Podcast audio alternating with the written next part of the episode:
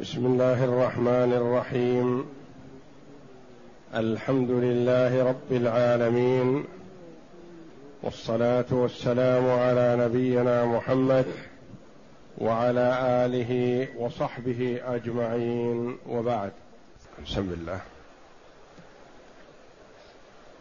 أعوذ بالله من الشيطان الرجيم. ألم تر إلى الذين تولوا قوما غضب الله عليهم ما هم منكم ولا منهم ويحلفون على الكذب وهم يعلمون أعد الله لهم عذابا شديدا إنهم ساء ما كانوا يعملون اتخذوا أيمانهم جنة فصدوا عن سبيل الله فلهم عذاب مهين لن تغني عنهم أموالهم ولا أولادهم من الله شيئا أولئك أصحاب النار هم فيها خالدون يوم يبعثهم الله جميعا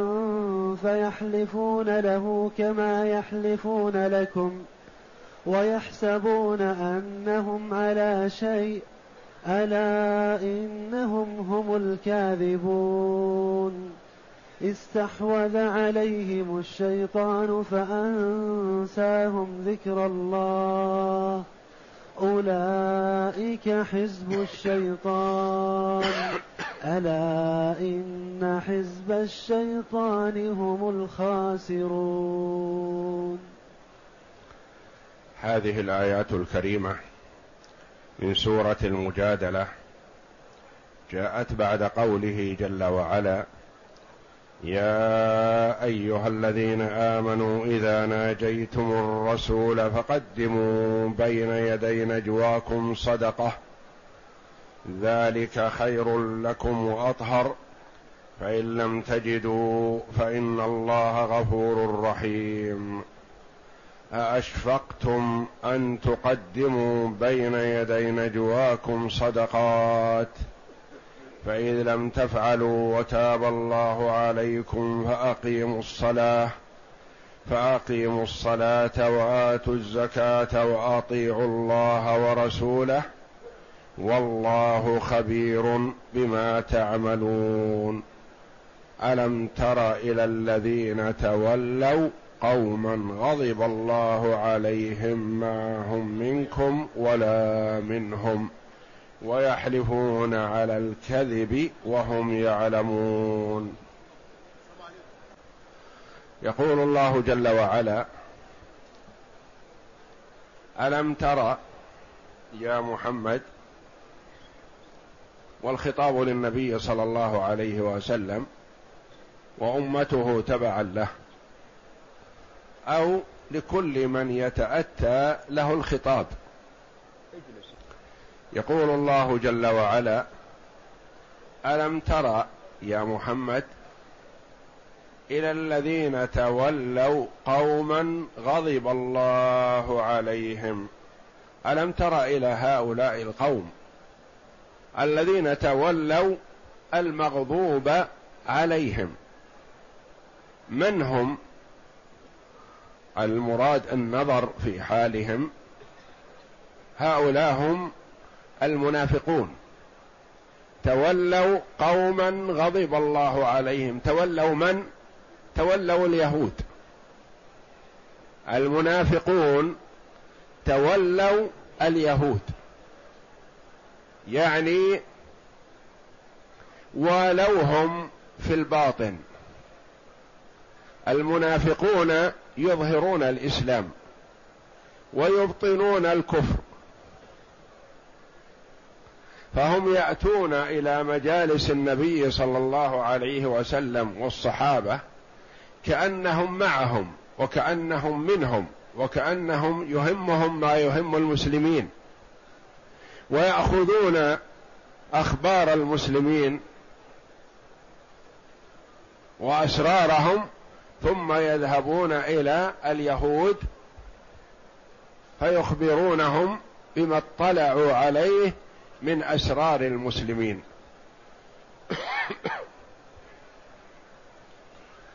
فهم يظهرون أنهم من المسلمين وهم في الحقيقة يوالون ويودون ويحبون اليهود. هم الذين غضب الله عليهم. ألم تر إلى الذين تولوا قوما غضب الله عليهم؟ يعني والوهم. واطمأنوا إليهم. وألفوهم. وأظهروا لهم المحبة والموالاة وأنهم معهم ضد النبي صلى الله عليه وسلم والمسلمين. وهم يظنون أنه لا يعلم عنهم. والله جل وعلا لا تخفى عليه خافية. يعلم ما في نفس المرء قبل أن يتكلم ويخاطب به. فما بالك بهؤلاء يظهرون للمسلمين المودة ثم يذهبون إلى اليهود فيخبرونهم بما اطلعوا عليه من أخبار المسلمين ومن تخطيطهم ومما يريدون أن يفعلوه. قال قتادة رحمه الله هم المنافقون. تولوا اليهود يعني والوهم.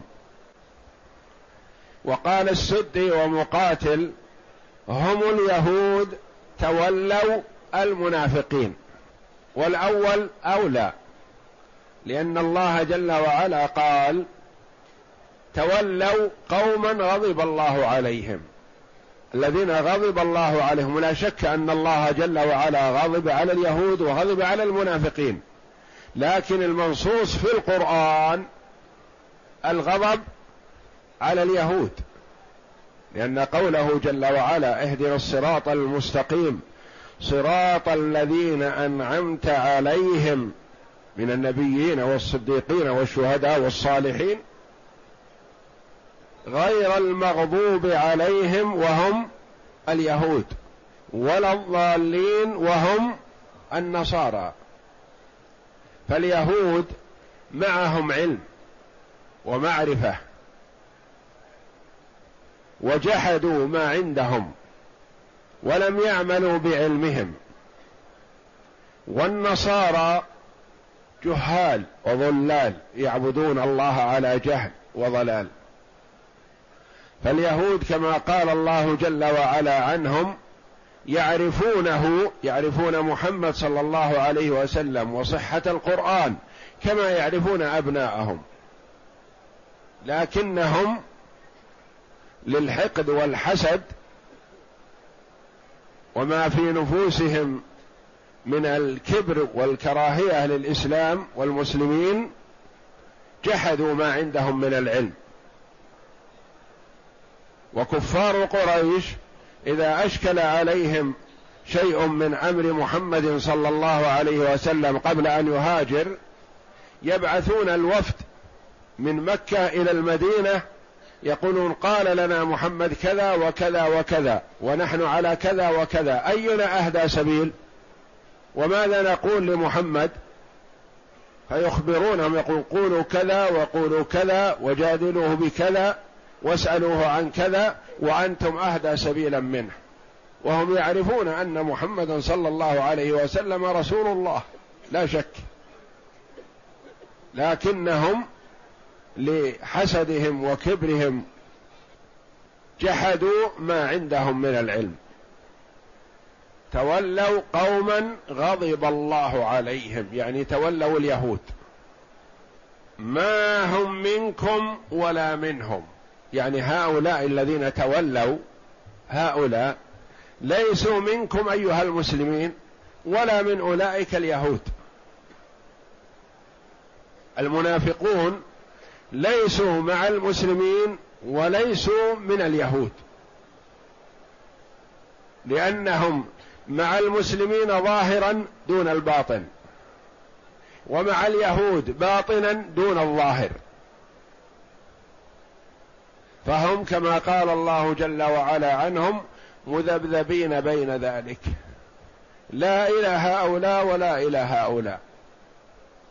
ولهذا صاروا أشر وأشد على المسلمين من اليهود والنصارى. لأن اليهودي إذا أتاك بنصيحة ما تقبل منه لأنك تعرف أنه عدو يهودي.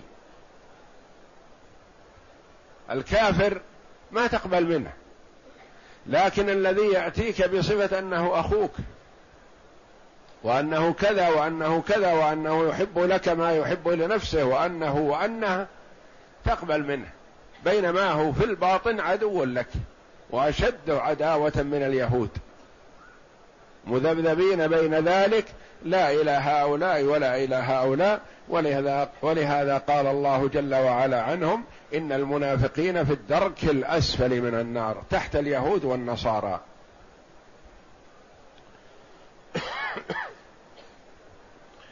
ويحلفون على الكذب وهم يعلمون.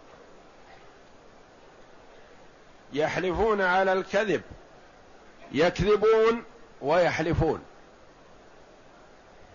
يعني كذب بدون يمين أهون. يمين على غير الكذب لا حرج فيها.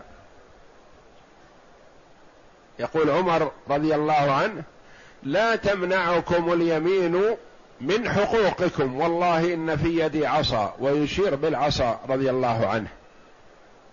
قل اليمين التي على الحق والصدق لا شيء فيها. لا تمنعكم من حقوقكم. لصرتم تعرفون أن هذا حق لكم فاحلفوا عليه. ويحلفون على الكذب بأنهم مسلمون.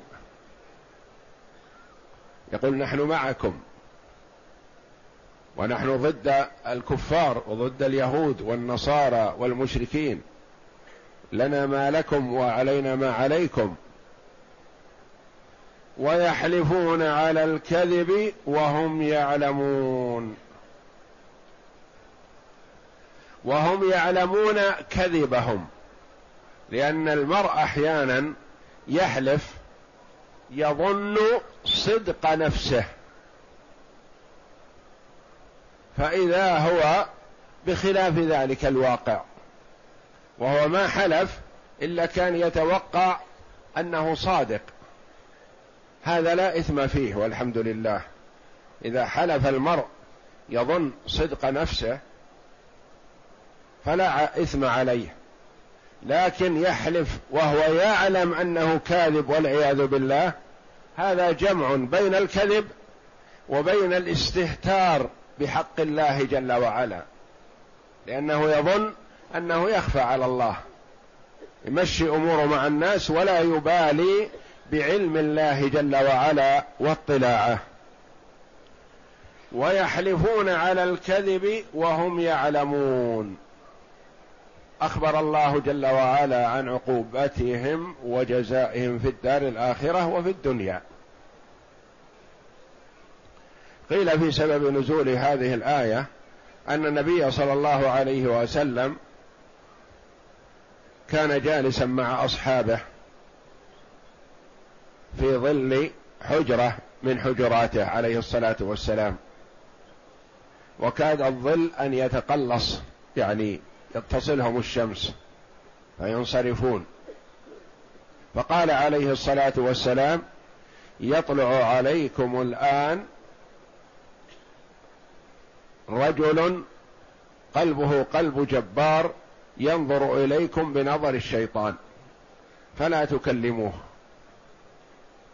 ووصفه عليه الصلاة والسلام. فبعد قليل طلع هذا الرجل بحسب الصفة التي وصف النبي صلى الله عليه وسلم. فلم يكلمه الصحابة رضي الله عنهم امتثالا لأمر النبي صلى الله عليه وسلم ثم دعاه النبي صلى الله عليه وسلم. فقال على ما تشتمني أنت وأصحابك؟ لأن الله جل وعلا أطلع نبيه صلى الله عليه وسلم على أن هذا الرجل معه جماعة من المنافقين يشتمون النبي صلى الله عليه وسلم. ومن قولهم يزعم محمد أنه ينصر يوم القيامة. لقد شقينا اذا فوالله لننصرن يوم القيامة بأنفسنا وأموالنا وأولادنا إن كانت هناك قيامة. هم شاكون. يقول إن كان هناك قيامة فلننصرن نحن. فحلف هذا الرجل انه ما شتم النبي صلى الله عليه وسلم وقال أنظرني أحضر القوم الذين معه. فذهب مسرعا وأتى بهم فأخذوا يحلفون أنهم ما شتموا النبي صلى الله عليه وسلم ولا تكلموا فيه. والخبر من أين جاء؟ من الله جل وعلا. لا مجال للشك فيه. ولكنهم هم كذبة. قال الله جل وعلا أعد الله لهم عذابا شديدا. هيأ ورصد لهم عذابا شديد في الدنيا وفي الآخرة. بسبب هذا الإعراض عن الإسلام والمسلمين وموالاة الكفار. ولهذا قال الله جل وعلا لا تجد قوما يؤمنون بالله واليوم الآخر يوادون من حاد الله ورسوله ولو كانوا آباءهم أو أبناءهم كما سيأتينا قريبا إن شاء الله. فموالاة الكفار ردة عن الإسلام والعياذ بالله. أعد الله لهم عذابا شديدا إنهم ساء ما كانوا يعملون. قبح هذا الفعل وهذا العمل منهم. هذا عمل قبيح. موالاه الكفار من اليهود والنصارى والمشركين. ردة عن الإسلام وعمل سيء. عمل قبيح. لأنه يوالي أعداءه ويعرض عن أولياء الله جل وعلا. ثم قال جل وعلا اتخذوا أيمانهم جنة فصدوا عن سبيل الله. اتخذوا أيمانهم أيمانهم يعني الحل الأيمان الحلف الذي حلفوه. اتخذوه جنة. يعني يستترون به. يحلفون أنهم ما قالوا وقد قالوا لكنهم اتخذ اليمين ليستتر به مثل ما يستتر المرء بالجنة عن السلاح. يعني يجعل أمام وجهه شيء أو أمام صدره شيء يقيه ضربات السلاح. هذه تسمى جنة. اتخذوا أيمانهم يعني هذه التي حلفوها جنة يستترون بها. فبهذا العمل صدوا عن سبيل الله. بهذه الأيمان لأنهم كانوا هم يستحقون أن يجاهدوا وأن يقاتلوا لأنهم كما قال الله جل وعلا عنهم هم العدو فاحذرهم. يعني عداوتهم أشد من عداوة الكفار الآخرين. فهم يستحقون أن يقاتلوا ويجاهدوا لكنهم بأيمانهم هذه الحلوف التي حلفوها استتروا بها فلا فحصل المنع عن قتالهم لأنهم يظهرون الإسلام والإيمان. وفي قراءة اتخذوا إيمانهم. إيمانهم بكسر الهمزة يعني الإيمان وليست الأيمان الحلوف وإنما الإيمان. الإيمان الظاهر الإيمان الظاهر البين والباطن كفر. لكن اتخذوا إيمانهم يعني قولهم إننا مؤمنون. هم يقولون إننا مؤمنون وهم كذبة. فاتخذوا هذا جنة يستترون به عن الجهاد في سب... عن قتالهم في سبيل الله. أو اتخذوا أيمانهم جنة فصدوا عن سبيل الله يعني منعوا الناس وثبطوا المؤمنين عن الجهاد في سبيل الله يقولون لا تنفروا في الحر. لا تخرجوا في هذا الوقت الحر الشديد. لو كان الخروج في وقت معتدل فلا بأس لكن في وقت الحر لا تخرجوا. تتركون أولادكم قد يغار على أولادكم. ابقوا في المكان ودافعوا عن المدينة وعن الإسلام والمسلمين فهم يثبطون الناس عن الجهاد في سبيل الله. اتخذوا أيمانهم جنة فصدوا عن سبيل الله يعني عن مقاتلتهم أو عن قتال المسلمين للكفار في سبيل الله فهم يثبطونهم. فلهم عذاب مهين. لهم عذاب شديد في صدر الآية ولهم عذاب مهين لأن العذاب قد يكون شديد لكن ليس فيه إهانة. وقد يكون العذاب شديد تصحبه الإهانة والخزي والذل والهوان والعياذ بالله فجمع الله جل وعلا لهم بين هذا وهذا. يعني كون الإنسان يضرب على ظهره هذا مؤلم ومؤذي. لكن إذا ضرب على وجهه فهذا يجمع بين الأذى والشدة والإهانة والاحتقار.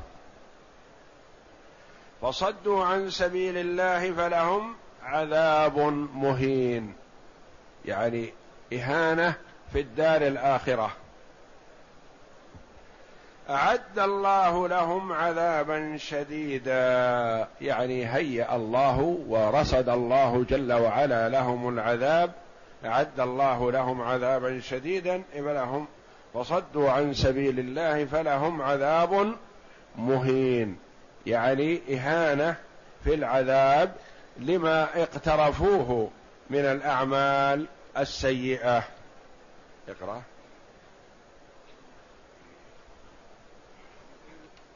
يقول تعالى منكرا على المنافقين في موالاتهم الكفار في الباطن وهم في نفس الأمر لا معهم ولا مع المؤمنين.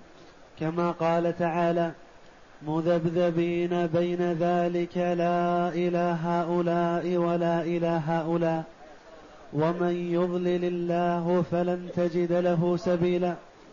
وقال ها هنا ألم تر إلى الذين تولوا قوما غضب الله عليهم؟ يعني اليهود الذين كان المنافقون يمالونهم ويوالونهم في الباطل كما قال تعالى ما هم منكم ولا منهم.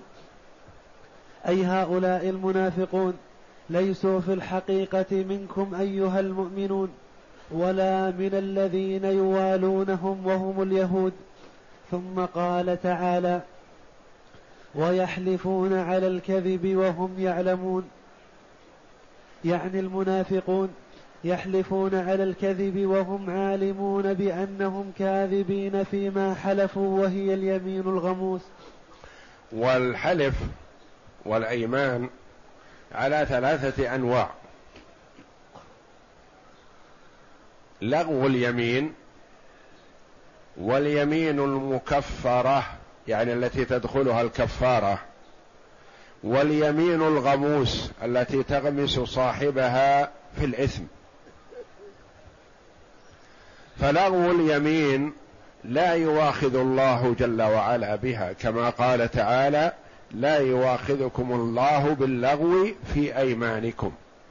والمراد بها كما قالت عائشة رضي الله عنها مثل قول الرجل لا والله وبلا والله.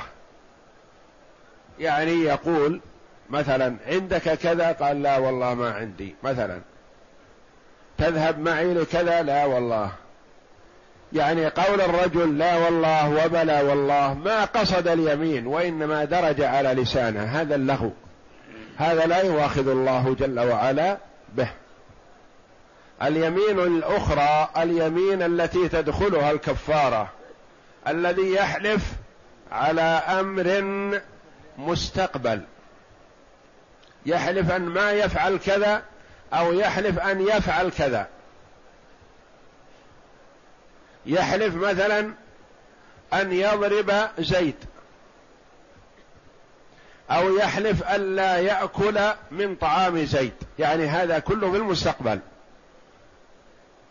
يحلف الا يفعل أو يحلف أن يفعل. فهو إن استمر في يمينه فلا شيء عليه. وإن أراد التحلل منها فعنده الكفارة. يكفر عن يمينه ويفعل. حلف لا يدخل دار زيد. ثم ندم وأحب أن يدخل مثل ما يدخل غيره. نقول كفر عن يمينك وادخل. حلف أن يفعل كذا. ثم استصعب هذا ورأى أنه غير مناسب. فرأى أن يعدل. نقول اعدل عن هذا وكفر عن يمينك. وإذا كان العدول عن اليمين خير فالتكفير أفضل. كونه يكفر ويحنث في يمينه. لقوله صلى الله عليه وسلم إني والله إن شاء الله ما حلفت على يمين فرأيت غيرها خيرا منها إلا أتيت الذي هو خير وتحللتها. يحلف المرء أن لا يأكل من طعام زيد مثلا ثم يندم على هذا ويرى أن أكله فيه إدخال السرور على أخيه المسلم وجبر لخاطره فيحب أن يأكل لكن يقول حلفت. نقول كفر عن يمينك وكل. حلف أن يضرب ولده أو خادمه ثم أراد أن يعدل. تبين له أن الولد أو الخادم ما أخطأ وما يستحق الضرب. فأراد أن يرجع لكن يقول أنا حلفت. نقول لا حرج. كفر عن يمينك واترك ما حلفت عليه. لأن الترك قد يكون خير فيترك ما حلف عليه ويكفر عن يمينه. هذه اليمين التي تسمى اليمين المكفرة يعني التي تدخلها الكفارة وهي اليمين على شيء مستقبل. اليمين الثالثة اليمين الغموس التي تغمس صاحبها في الإثم أو تغمس صاحبها في النار. وهي التي يحلف على شيء مضى ويعلم كذب نفسه والعياذ بالله. مثلا يدعي عليه شخص بمبلغ من المال وهو منكر ثم يرفعه إلى القاضي. فالقاضي يقول للمدعي بينتك هل عندك شهود؟ يقول لا والله ما عندي. أنا وثقت بهذا الرجل وأعطيته. وما عندي من يشهد إلا الله سبحانه وتعالى. فيقول القاضي مثلا لك يمينه. فيعظ القاضي الرجل ويقول لا تحلف كاذبا. يغضب الله عليك. اليمين مهلكة. اليمين تضرك في دينك ودنياك. ثم تأخذه العزة بالإثم. والاستمرار والإصرار على الإنكار فيحلف أنه ما عنده للرجل شيء. وهو يعرف في حقيقة نفسه أن عنده لكنه أنكر. هذه اليمين الغموس والعياذ بالله التي تغمس صاحبها في الإثم. وهي إذا حلف الرجل عند القاضي تنتهي المطالبة لكن تبقى المحاسبة عند الله جل وعلا. واستيفاء الحق يوم القيامة. لأن المرء قد يتمكن من استيفاء الحق من وفاء الحق الذي عليه في الدنيا لكن ينكر. ويوم القيامة يلزم بأداءه. ما يستطيع أن يؤدي ما في دينار ولا درهم ولا متاع ولا شيء. تؤخذ حسناته تؤخذ حسناته. هذا يأخذ وهذا يأخذ وهذا يأخذ. انتهت حسناته المسكين جاء مطالبون. نقول يقول الله جل وعلا لهم نفذت الحسنات خلاص ما لكم شيء؟ لا. يأخذ الله جل وعلا من سيئات أصحاب الحقوق ويضعها على هذا الظالم. فتؤخذ حسناته ويحمل من سيئات غيره ثم يقذف في النار والعياذ بالله. وهذا هو المفلس الذي خبر عنه النبي صلى الله عليه وسلم ويسأل الصحابة رضي الله عنهم أتدرون من المفلس؟ قالوا المفلس فينا من لا درهم له ولا متاع. ما عنده دراهم ولا عنده أثاث. ما عنده شيء. هذا الفقير. قال لا هذا ما هو مفلس. هذا قد يكون في المنازل العالية يوم القيامة. هذا فقير محتسب صابر راضي. مؤدي الحقوق التي أوجب الله عليه هذا قد يكون مع النبيين والصديقين والشهداء والصالحين يوم القيامة. مثل فقراء الصحابة رضي الله عنهم خير الأمة. هذا ما يقال له مفلس لكن المفلس في الدنيا الصحابة رضي الله عنهم يقولون. قال لكن المفلس من أمتي من يأتي بحسنات. وفي رواية أمثال الجبال. حسنات عظيمة.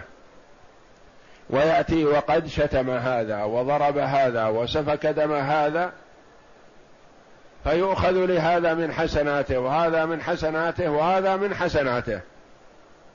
فإن فنيت حسناته ولم يقضم عليه أخذ من سيئاتهم وطرحت عليه فطرح في النار والعياذ بالله.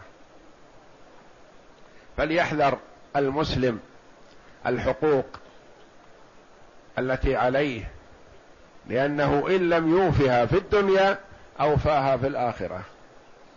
إن لم يؤفها من حطام الدنيا الذي هو زائل وتاركه فستؤخذ من حسناته أو يعطى ويحمل عليه من سيئاتهم. واليمين الثالثة هذه اليمين الغموس هي كبيرة من كبائر الذنوب. من كبائر الذنوب لأن الله جل وعلا توعد عليها. من اقتطع مال امرئ مسلم بيمينه لقي الله وهو عليه غضبان. قالوا يا رسول الله وإن كان شيئا يسيرا قال وإن كان قضيبا من أرعك. إذا حلفت على شيء وليس لك وإنما أخذته بيمينك هذا الوعيد الشديد والعياذ بالله.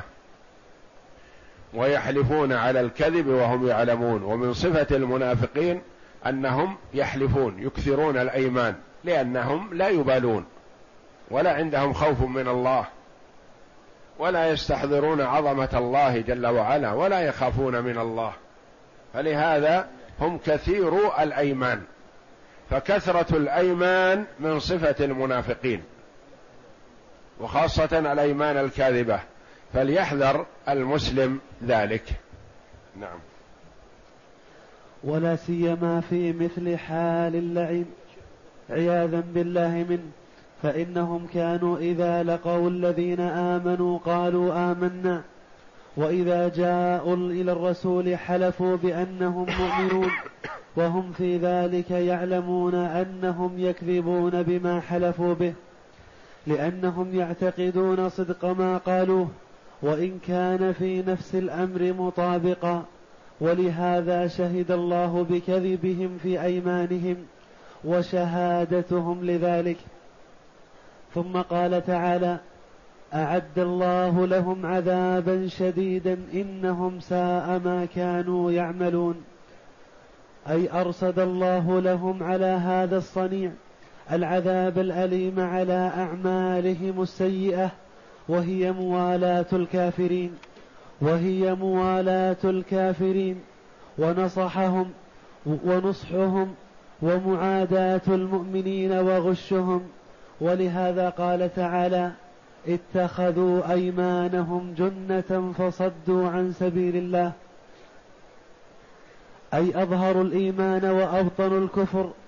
واتقوا بالأيمان الكاذبة فظن كثير ممن لا يعرف حقيقة أمرهم صدقهم فاغتر بهم فحصل بهذا صد عن سبيل الله لبعض الناس فلهم عذاب مهين. أي في مقابل أي في مقابلة ما امتهنوا من الحلف باسم الله العظيم من الأيمان الكاذبة الحانثة ثم قال تعالى لن تغني عنهم أموالهم ولا أولادهم من الله شيئا. لن تغني عنهم أموالهم ولا أولادهم من الله شيئا. هم يتبجحون ويظهرون الكبر والترفع على الناس بما أعطاهم الله جل وعلا من الأموال في الدنيا. وبما رزقهم الله جل وعلا من الأولاد في الدنيا. فهم يظنون أن الأموال والأولاد هذه كما أعطوها في الدنيا وصاروا فوق المؤمنين بالعطاء من الدنيا يظنون أن هذا سيستمر لهم وأن أموالهم وأولادهم تنفعهم في الدار الآخرة. والحقيقة أنها لا تنفع. لن تغني عنهم أموالهم ولا أولادهم من الله شيئا. ما تنفعهم. إنما تنفعهم إذا استخدموها في طاعة الله. تنفع الأموال في الدنيا في الآخرة إذا قدمها المسلم في طاعة الله وفي الجهاد في سبيل الله وفي الإحسان إلى الفقراء والمساكين. نفعت نفعا عظيما. الأولاد إذا وجههم المرء توجيها صالحا وعلمهم وأدبهم ونشأهم على الإسلام. نشأوا نشأة صالحة فانتفع بهم في الدنيا والآخرة. وأما إذا استعمل الأموال في معصية الله وأهمل الأولاد وضيعهم صاروا عقوبة ووبال عليه في الدار الآخرة وعذاب. لأنه كما قال الله جل وعلا إنما أموالكم وأولادكم فتنة. يعني يفتتن بها المرء يختبر اختبار. والاختبار ليس ضار. إنما النتيجة هي التي ما يدرى ماذا تكون. هذا يختبر ويأخذ ممتاز. وهذا يختبر ويسقط يكون ساقط ضعيف أو يطرد. فالاختبار من حيث هو يحصل لكل أحد الأنبياء يمتحنون ويختبرون. ولكن المهم النتيجة. إنما أموالكم وأولادكم فتنة اختبار وامتحان لكم. منا من يوفق في هذا الامتحان فيأخذ الدرجة العالية في المال والولد. المال يستعين به على طاعة الله وينفقه في مرضاة الله. والولد ينشئهم على طاعة الله ويعملون بطاعة الله فيستمر عمله الصالح بعد مماته بعمل أولاده. ومنا والعياذ بالله من يستعين بالمال على معصية الله فيكون ماله وبال عليه. لو لم يحصل له هذا المال لكان خيرا له. ويهمل أولاده ويضيعهم أو ينشئهم على الفسق والفجور والمعاصي والعياذ بالله فيخفق في المال والولد. والله جل وعلا سائل كل أحد عن ماله وعن ولده كما قال الله جل وعلا يا أيها الذين آمنوا قوا أنفسكم وأهليكم نارا وقودها الناس والحجارة. عليها ملائكة غلاظ شداد. وقال جل وعلا إن من أزواجكم وأولادكم عدوا لكم. من ولم يقل كل المال والولد عدو والزوجات عدو. لا. منهم من يعين على طاعة الله. فالعداوة من بعضهم والجميع فتنة. لن تغني عنهم أموالهم ولا أولادهم من الله شيئا. أولئك أصحاب النار هم فيها خالدون. يعني هم أهل النار وهم ماكثون فيها أبد الآباد. لأن الجنة والنار باقيتان. دائما وابدا لا تفنيان.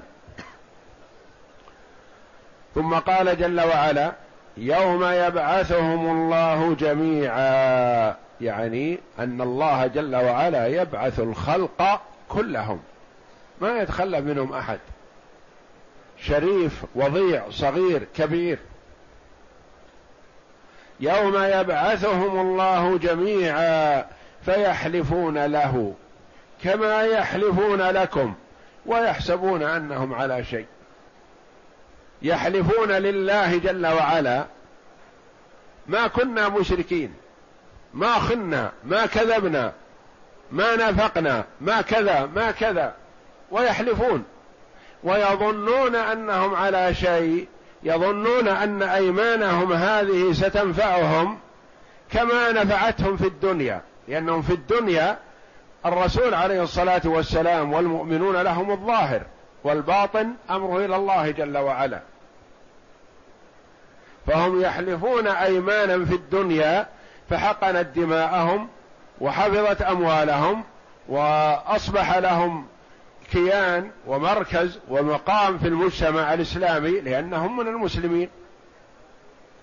وتأمروا وتولوا وأمروا ونهوا وتصرفوا مع المسلمين على أنهم منهم. لكن في الدار الآخرة لا. ويحلف يحلفون له كما يحلفون لكم. يحلفون لله. والله جل وعلا لا تخفى عليه خافية. كما يحلفون لكم ويحسبون أنهم على شيء.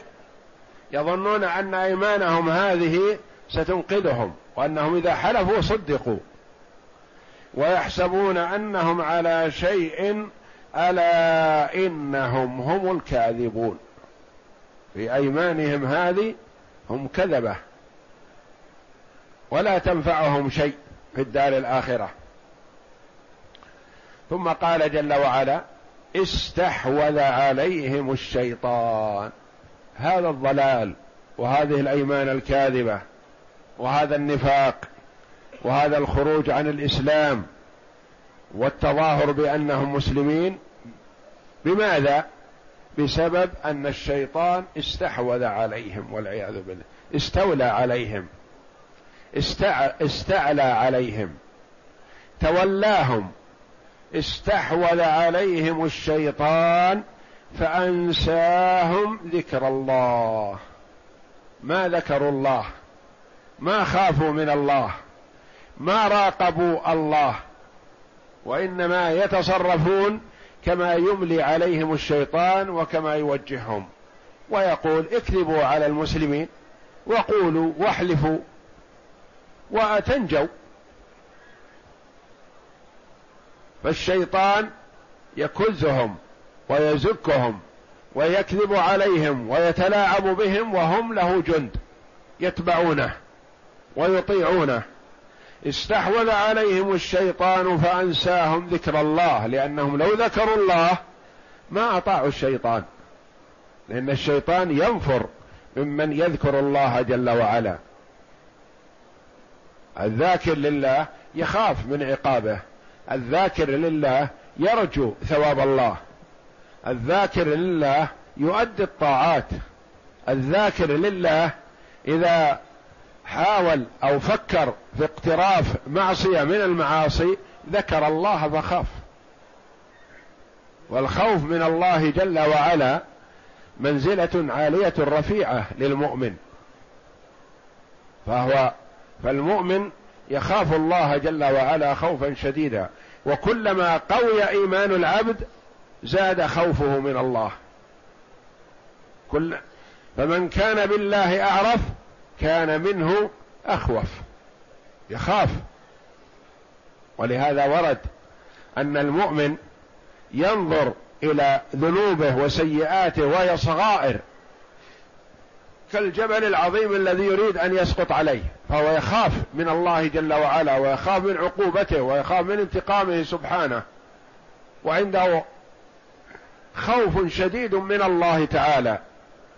وأما الفاجر والكافر والمنافق فهو يرى ذنوبه وسيئاته وأعماله السيئة لكن يراها كأنها ذبابة وقعت على وجهه يقول لها كذا فتطير. لا يبالي بها ولا يهتم بها. والمؤمن يتخوف من عقوبة ذنوبه. استحوذ عليهم الشيطان. سيطر عليهم وتولاهم. فأنساهم ذكر الله. أولئك حزب الشيطان. هؤلاء والعياذ بالله حزبه وجنده وأعوانه. أولئك حزب الشيطان. ألا إن حزب الشيطان هم الخاسرون. والمرء إذا عصى الله جل وعلا صار من حزب الشيطان. وأحيانا والعياذ بالله يتطور المرء ويكون أعلى وأكبر فيكون حينئذ الشيطان جندي من جنده. من جبروته وعظمته وتسلطه يكون الشيطان يتلقى التوجيهات منه. أولئك حزب الشيطان وأتى بأولئك الإشارة للبعد لانحطاط منزلتهم وبعدهم عن الله وعن رحمته. أولئك حزب الشيطان. ألا إن حزب الشيطان هم الخاسرون. فهم خسروا الخسارة العظيمة. أخذوا النار والعياذ بالله وتركوا الجنة. عملوا بالمعاصي.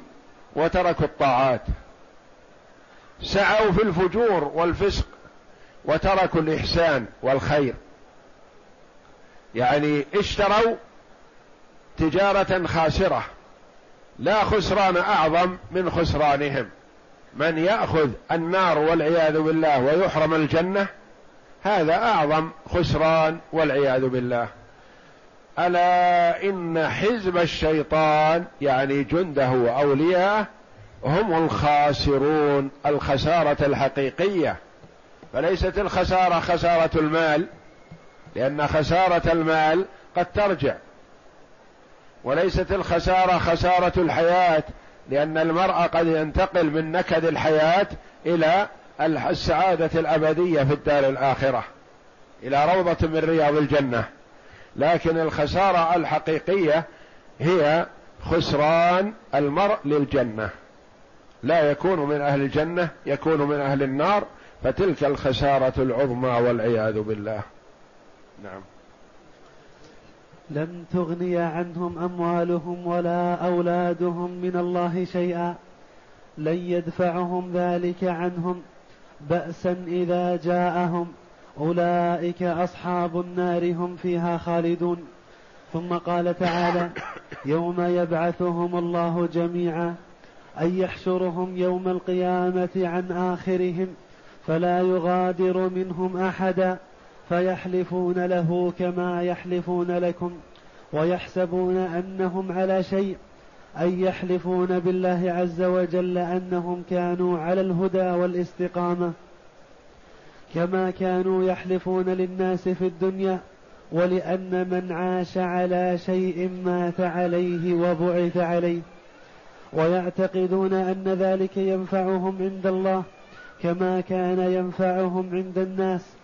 فيج فيج فيجرون عليهم الأحكام الظاهرة ولهذا قال ويحسبون أنهم على شيء ثم قال تعالى ألا إنهم هم الكاذبون؟ فأكد الخبر عنهم بالكذب. قال ابن أبي حاتم عن ابن عباس حدثه أن النبي صلى الله عليه وسلم كان في ظل حجرة من حجره وعنده نفر من المسلمين قد كان يقلص عنهم الظل. قال إنه سيأتيكم إنسان ينظر بعين شيطان فإذا أتاكم فلا تكلموه. فجاء رجل أزرق فدعاه رسول الله صلى الله عليه وسلم فكلمه فقال على ما تمشي أنت وفلان وفلان. نفر دعاهم بأسمائهم قال فانطلق. فانطلق الرجل فدعاهم فحلفوا له واعتذر واعتذروا إليه قال فأنزل الله عز وجل فيحلفون له كما يحلفون لكم ويحسبون أنهم على شيء ألا إنهم هم الكاذبون. استحوذ عليهم الشيطان فأنساهم ذكر الله. استحوذ على قلوبهم الشيطان حتى أنساهم أن يذكروا الله عز وجل وكذلك يصنع بما استحوذ عليه. ولهذا قال أبو داود عن أبي الدرداء قال سمعت رسول الله صلى الله عليه وسلم يقول ما من ثلاثة في قرية ولا بدو لا تقام فيهم الصلاة إلا قد استحوذ عليهم الشيطان.